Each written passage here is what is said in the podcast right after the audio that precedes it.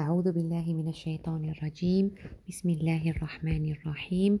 رب اشرح لي صدري ويسر لي أمري واحلل عقدة من لساني يفقه قولي. Deze lezing gaat over het tawakkul.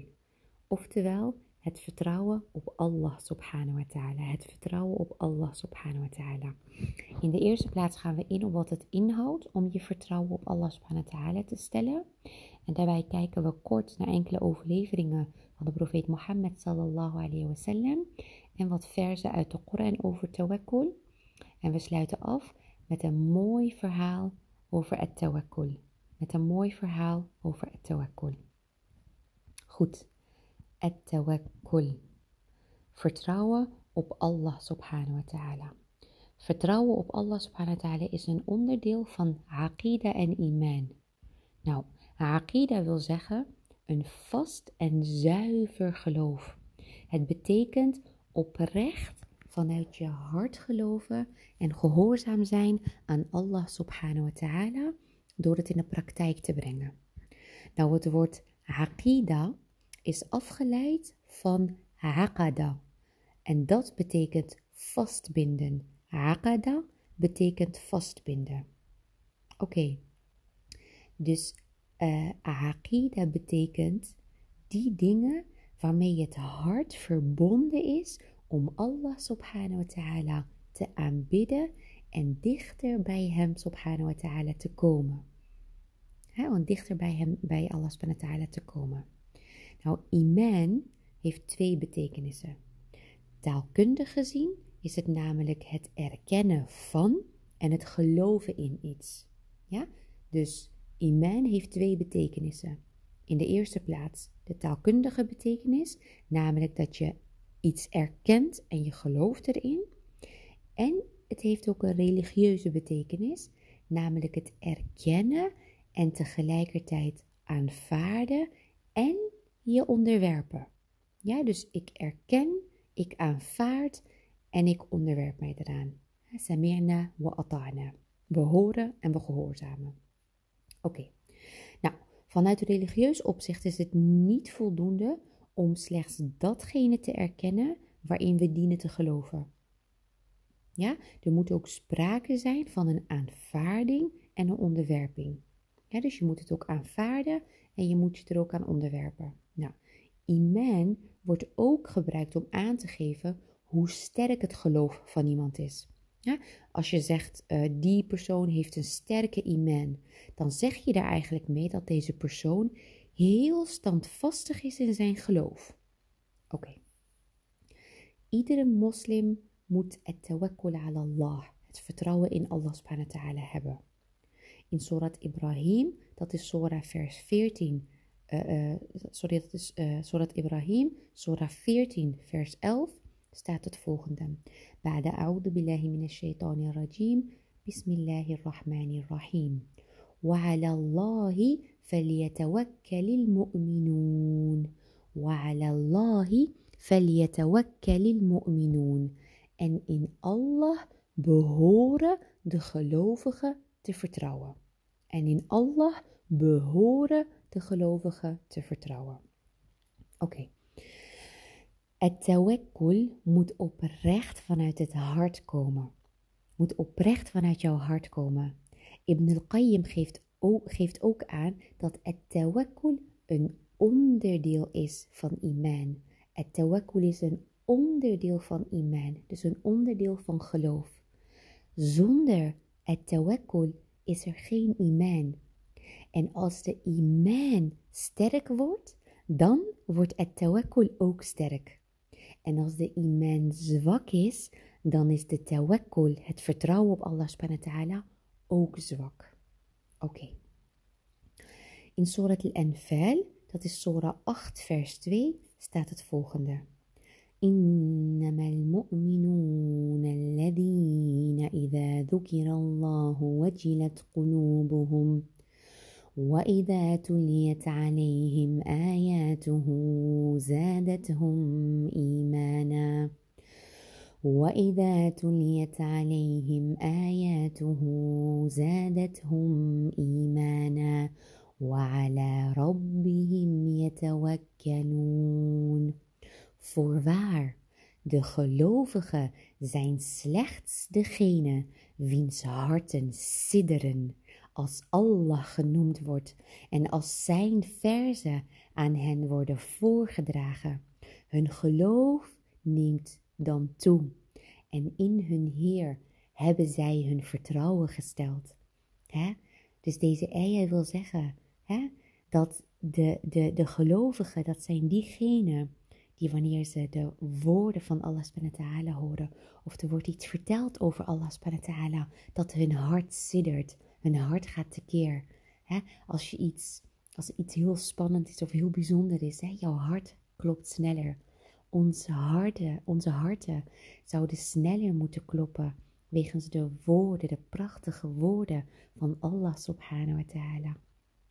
Maar is dat daadwerkelijk zo? Is dat zo dat wanneer wij de Koran opzetten, dat onze aandacht er helemaal bij is? Hè, of wanneer iemand spreekt over het geloof, dat we dan heel nieuwsgierig zijn en heel graag willen weten wat er verteld wordt? Hè, stel jezelf die vraag. want de eigen zegt het. Voorwaar, de gelovigen zijn slechts degene wiens harten sidderen als Allah genoemd wordt en als zijn verzen aan hen worden voorgedragen. Oké. Hun geloof neemt dan toe en in hun Heer hebben zij hun vertrouwen gesteld. Oké, laten we nu doorgaan op het tweede punt. Wat houdt dit vertrouwen dan in? Hoe? Hoe, hoe moet zich dat uiten? Oké, volledig vertrouwen op Allah subhanahu wa ta'ala is oprecht vertrouwen op Allah subhanahu wa ta'ala bij al onze inspanningen. Dus zowel bij het nastreven van onze belangen als bij het beschermen van onszelf tegen alles dat ons schade kan toebrengen. En we moeten ons beschermen tegen zowel de schadevolle zaken van dit leven als schadevolle zaken met betrekking tot het hiernamaals, tot de agira, tot het andere leven. Oké. Hoe doen we dat dan? Hoe doen we dat dan? praktisch gezien. Hoe stelt iemand, hoe, uh, het stellen van iemands vertrouwen in Allah subhanahu houdt twee zaken in. Twee dingen. Dus vertrouwen op subhanahu omvat twee punten. De, het eerste punt. Vertrouwen op Allah subhanahu wa ta'ala en het geloven dat Allah subhanahu wa ta'ala de enige is die ervoor zorgt dat getroffen maatregelen effectief zijn. Zijn voorbeschikking is als volgt. Allah subhanahu wa ta'ala heeft alles voorbeschikt, berekend en geordend. Verheven en geprezen is Hij, subhanahu, subhanallah. Dus dat is het eerste punt. Het tweede punt omvat het nemen van passende maatregelen. Het stellen van vertrouwen in Allah subhanahu dat betekent niet dat je niet de passende maatregelen dient te treffen. Het is juist gepast om je vertrouwen in Allah subhanahu wa ta'ala te leggen en maatregelen te nemen en je best hiervoor te doen. Degene die zich hiervan onthoudt, is tegen de wetgeving van Allah subhanahu wa ta'ala en zijn bepalingen ingegaan. Allah subhanahu wa ta'ala heeft ons bevolen om passende maatregelen te nemen en Allah subhanahu stimuleert ons ook om dit te doen. Hè? Later zal het verder uh, verduidelijkt worden. Um, waar blijkt dit uit? Dit blijkt ook uit uit de hadith overgeleverd door Anas ibn Malik, waarin hij het volgende zei. Een man kwam naar de profeet Mohammed sallallahu alayhi wasallam en hij zei tegen hem, sallallahu alayhi wasallam, O profeet van Allah, sallallahu alayhi wasallam, Zeggen jullie, sallallahu alayhi wasallam, herhaal je het ook elke keer wanneer ik, wanneer ik de, de naam van de profeet Mohammed sallallahu alayhi wasallam benoem? Het is heel belangrijk om dat te doen. Wij moeten dat doen. Wij horen dat te doen. Allah subhanahu wa ta'ala heeft de profeet Mohammed sallallahu alayhi geëerd. Op verschillende manieren. En deze is er één van. Oké.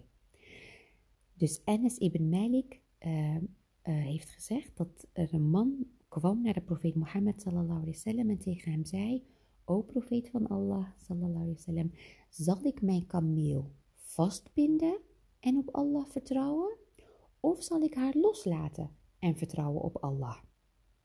En de profeet Mohammed zei tegen hem, bind haar vast en vertrouw op Allah subhanahu wa ta'ala. Zie je dat? Dus neem de passende maatregel, neem de maatregelen die je hoort te nemen en vertrouw dan op Allah subhanahu wa ta'ala. Een ander voorbeeld is deze. Omar ibn Khattab was een keer in de aanwezigheid van een groep mensen uit Jemen die niet wilden werken. En hij zei tegen hun, wie zijn jullie? En ze zeiden, wij, wij zijn de, de mutawakkilin. Wij zijn mensen die op Allah subhanahu ta'ala vertrouwen. Waarop Omar radiallahu anhu zei, nee, jullie zijn de muta'akilun. Muta'akilun. Ik hoop dat ik goed uitspreek. Mensen die van anderen eten. En de mutawakkil, de mutawakkil, die strooit eerst de zaden op aarde en vertrouwt dan op Allah subhanahu wa ta'ala om hem te voorzien. De mutawakkil strooit eerst de zaadjes op aarde en vertrouwt dan op Allah subhanahu wa ta'ala om hem te voorzien. Dit geldt ook wanneer je een besluit moet nemen. Besluit dan en vertrouw op Allah subhanahu wa ta'ala. Allah subhanahu wa ta'ala zegt in Surat Ali Imran, dat is Surah uh, 3, vers 159. فإذا عزمت فتوكل على الله إن الله يحب المتوكلين. En wanneer je vastbesloten bent, vertrouw dan op Allah. Voorzeker, Allah heeft degene lief die in hem vertrouwen. Allah heeft degene lief die in hem vertrouwen. Oké. En um, Omar ibn Khattab um, heeft ook gezegd, ik hoorde de profeet Mohammed sallallahu zeggen, als jullie allemaal op Allah hadden vertrouwd, zoals jullie op hem zouden moeten vertrouwen, dan zou hij subhanahu wa ta'ala jullie zeker voorzien hebben, zoals hij de vogels voorziet, die ochtends hongerig wakker worden en in de schemering met volle magen terugkeren. Prachtig. Als wij daadwerkelijk op Allah subhanahu wa ta'ala zouden vertrouwen, zoals we dat horen te doen, dan zou Allah subhanahu wa ta'ala ons hebben voorzien, zoals hij de vele vogels voorziet, die ochtends hongerig wakker worden en in de schemering met volle magen terugkeren. Prachtig. En deze hadith uh, is overgeleverd door de Bukhari en Muslim. Dat is tawakkul. Dat is dus vertrouwen op Allah subhanahu wa ta'ala. Dus uh, strooi de zaadjes en vertrouw dan op Allah subhanahu wa ta'ala. Goed, tot zover een aantal korte puntjes over vertrouwen op Allah subhanahu over tawakkul. En dan wilde ik deze uh, reminder, deze lezing afsluiten met een prachtig verhaal over tawakkul. Dat ons, uh, ja, waarvan ik hoop dat het ons raakt, dat het jullie raakt en dat jullie gaan inzien wat, wat het echt betekent om op alles subhanahu te vertrouwen. Dit verhaal is afkomstig uit het boek uh, A Collection of Knowledge and Wisdom van uh, imam Ibn Rajab al-Hambali. En het is een, een waargebeurd verhaal over een persoon genaamd Qadil Maristan. Qadil Maristan. En het verhaal gaat als volgt. Qadil Maristan was een, was, was een hongerige man. Hij leefde in Mekka en hij was arm. Hij had niks te eten en had heel veel honger. Geen eten, alleen maar honger. Op een dag liep, ging hij naar buiten, hè, zoekende, zoekende naar eten. Hè, tawakkul. Ik vertrouw op Allah subhanahu maar ik verricht wel de middelen. Dus hij was op zoek naar iets om te eten. En hij liep en liep en liep. Op een gegeven moment vond hij een soort zak. Zo'n zo'n zak waar pepernoten in zitten, daar leek het op, zo'n soort zak. Terwijl hij gewoon om zich heen aan het kijken was. Hij pakte de zak op en hij nam hem mee naar huis. Thuis aangekomen opende hij de zak en hij vond daarin een prachtige parelketting. Een prachtige parelketting. Deze parels zouden hem met gemak geld opleveren, waardoor hij de rest van zijn leven gewoon voedsel had en, en luxe en comfort. Zo waardevol was deze parelketting, zo waardevol was deze parelketting.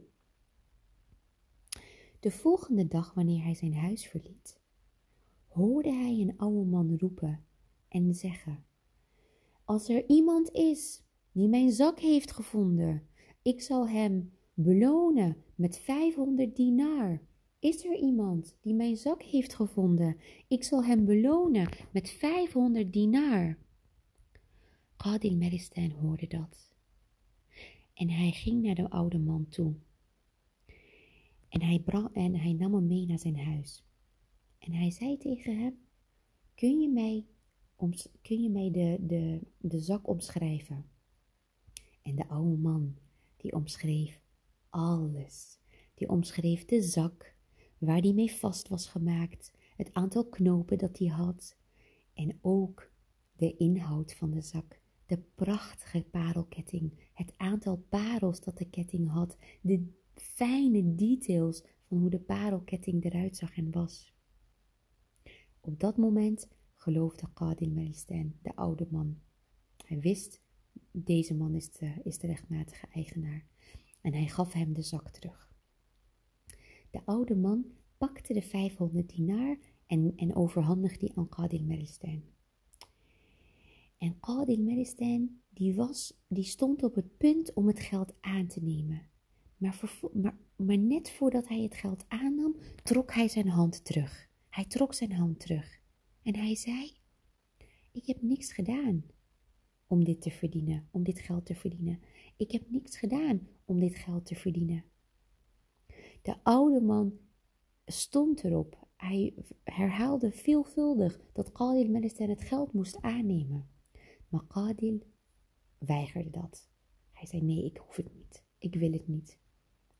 Hij stelde zijn vertrouwen wederom op Allah subhanahu Hij was arm en hongerig en hij vertrouwde op Allah subhanahu Hij was binnen een paar seconden super rijk geworden toen hij de ketting had gevonden, maar desondanks bleef hij vertrouwen op Allah subhanahu Hij hoorde dat iemand anders de rechtmatige eigenaar was en hij gaf de ketting terug, vertrouwende op Allah subhanahu wetende dat Allah subhanahu wel hem wel zou voorzien. Oké. Nadat dit was gebeurd, uh, besloot Qadil Meristan om Mekka te gaan verlaten en zijn geluk er elders te beproeven. Um, hij uh, reisde per schip. Nou, wat gebeurde er tijdens deze reis? Tijdens deze reis begon het schip te zinken. Mensen, geld en alles wat er zich op dat schip bevond, is gezonken. Op, dat moment uh, uh, kon Qadil Meristan zich vasthouden aan een stuk hout hè, dat, dat de wind zijn richting op had geblazen. En hij, hij, klampte zich daaraan vast en hij bleef dat vasthouden totdat hij uh, aan, aanbelandde, tot hij strandde op een eiland. Het eerste wat hij daarna deed, was de moskee zoeken die, die, dat, die er was op dat eiland. Het was leeg en er zat niemand in. hij ging daar zitten en hij begon de Koran te reciteren. Mensen die daar woonden, die hoorden hem en zij vroegen hem of hij hun de Koran kon leren. En hij vond het goed. Hij zei dat is goed. Zo begon het dat hij de mensen de Koran begon te leren en zij begonnen hem uh, daar cadeaus voor in de plaats te geven. Cadeautjes om, om dankjewel te zeggen. Uh, toen op een dag uh, waren er een aantal uh, losse pagina's van de Koran in de moskee te vinden. En Qadil begon uit die, uh, uit die pagina's te reciteren. En de mensen waren weer verbaasd dat hij kon lezen. En zij vroegen hem om hun dat te leren. Zij vroegen hem om hun te leren lezen. En hij zei wederom, dat is goed. En wederom bedankte ze hem door middel van, van allerlei cadeautjes die ze hem gaven. Oké. De mensen in het eiland, die die wilde echt heel graag dat hij bij hun zou blijven en dat hij niet weg zou gaan. Ze dachten, deze man, daar kunnen wij zoveel van leren. Uh, ze zochten naar een manier om hem in het, op het eiland te behouden. Oké, dus ze waren aan het denken van, oké, wat kunnen we doen, wat kunnen we doen? Nou, toen dachten ze, waarom laten we laten hem trouwen met een meisje, een, een, een, een meisje dat een wees is, dat ook op het eiland woont. Oké, nou, um, dus zij stelde hem dat voor, van, hé, hey, wat denk je ervan om te gaan trouwen? En nou, in eerste instantie had hij eigenlijk geen, uh, ja, niet de intentie om, uh, om al te gaan trouwen. Maar zij bleven natuurlijk aandringen. En na een poosje zei hij: Oké, dat is goed. Dat is prima. Oké. Wat gebeurde er op de dag van hun bruiloft? Op de dag van hun bruiloft, wanneer hij zag, wanneer hij haar zag en hij naar haar keek. Um, je weet toch als je iemand bekijkt, hè, dus laten we zeggen dat je ergens beneden begint en hè, je kijkt rustig omhoog, zodat je diegene helemaal in zijn geheel kon zien. Wat gebeurde er met Qadil Meristan? Hij keek naar het, naar, naar, het meisje, hij keek naar de jonge vrouw en um, hij bekeek haar dus. En op het moment dat zijn ogen haar nek zagen, bleef hij als aan de grond genageld staren naar haar nek. Staren naar haar nek. En het meisje was gekwetst dat hij niet naar haar gezicht keek, terwijl zij erom bekend stond dat ze een van de mooiste vrouwen van dat eiland was. En toen de mensen hem dus gingen vragen van, wat, wat, met andere woorden van, wat is jouw probleem? Waarom, waarom kijk je niet naar haar? Waarom kijk je niet naar hoe mooi zij is? Toen ging, begon Qadil Melistan het verhaal te vertellen, zoals het was gebeurd. Dus hij vertelde over de zak die hij had gevonden en de parelketting en de man en dat hij hem had teruggegeven. En op dat moment begonnen de mensen van het eiland allemaal te roepen: Allahu Akbar, Allahu Akbar, La ilaha illallah, La ilaha illallah, Allahu Akbar, Allahu Akbar. En Qadi Maristan dacht: uh, Oké, wat is dit? Hij dacht van, nou ja, weet je, vertel je gewoon het verhaal, maar ik begrijp jullie reactie niet. Want die ketting op haar nek was natuurlijk de ketting die hij had gevonden. Maar wat vertelde zij hem toen?